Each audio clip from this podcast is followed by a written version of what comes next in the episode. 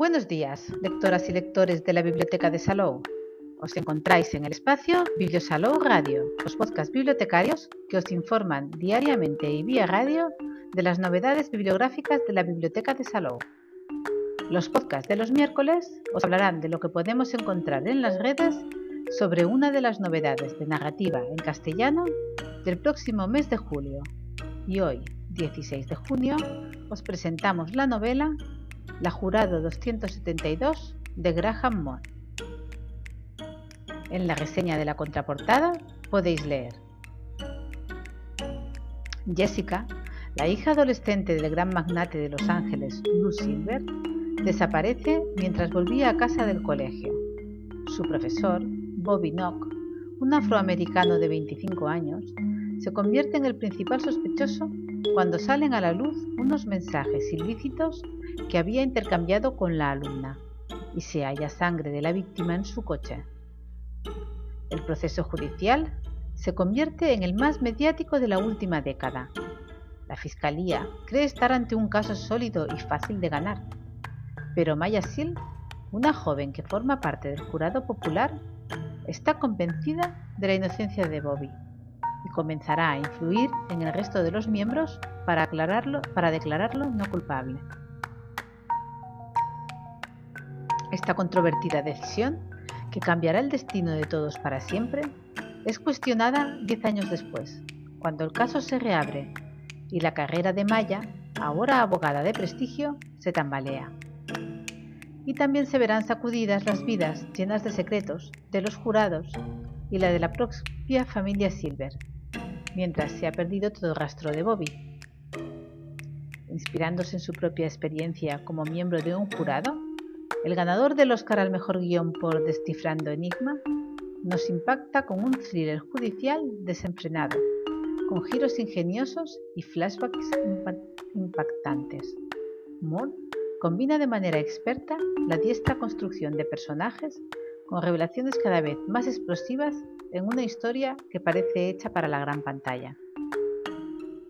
Eira, en el blog Cosas Mías, nos habla sobre la novela.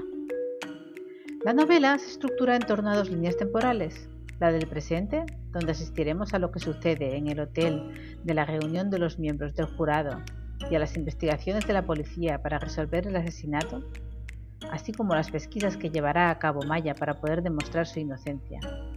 En otra línea temporal, viajaremos 10 años atrás, a los días en los que tuvo lugar el mediático juicio, y cada capítulo se dedicará a un miembro distinto del jurado.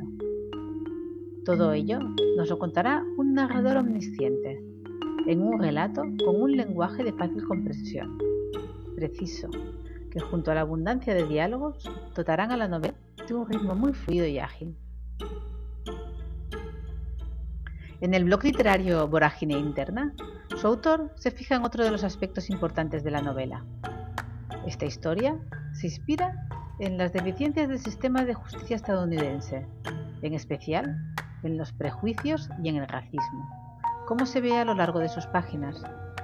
Un sistema contra el que Maya tiene claro que tiene que luchar y cambiarlo por completo. Además de mostrar de forma acertada cómo los medios de comunicación pueden cambiar la opinión social mediante la mediatización de este tipo de procesos tan controvertidos. Esa crítica social me ha parecido uno de los elementos más acertados de esta historia. La novela, de poco más de 400 páginas y editada por Lumen, está siendo adaptada por el propio autor para la televisión. ¿Y qué sabemos del autor? Graham Moore nació en Chicago en 1981.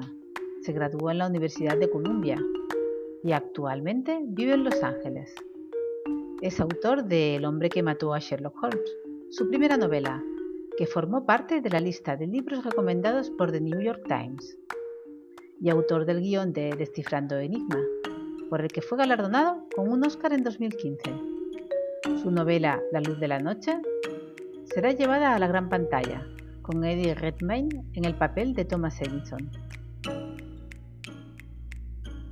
Todos sus libros los podéis encontrar en la biblioteca y en la Biblioteca Digital de Cataluña. Y hasta aquí el podcast de hoy. pero tenemos más novedades de narrativa en castellano que iremos descubriendo cada miércoles a las 11.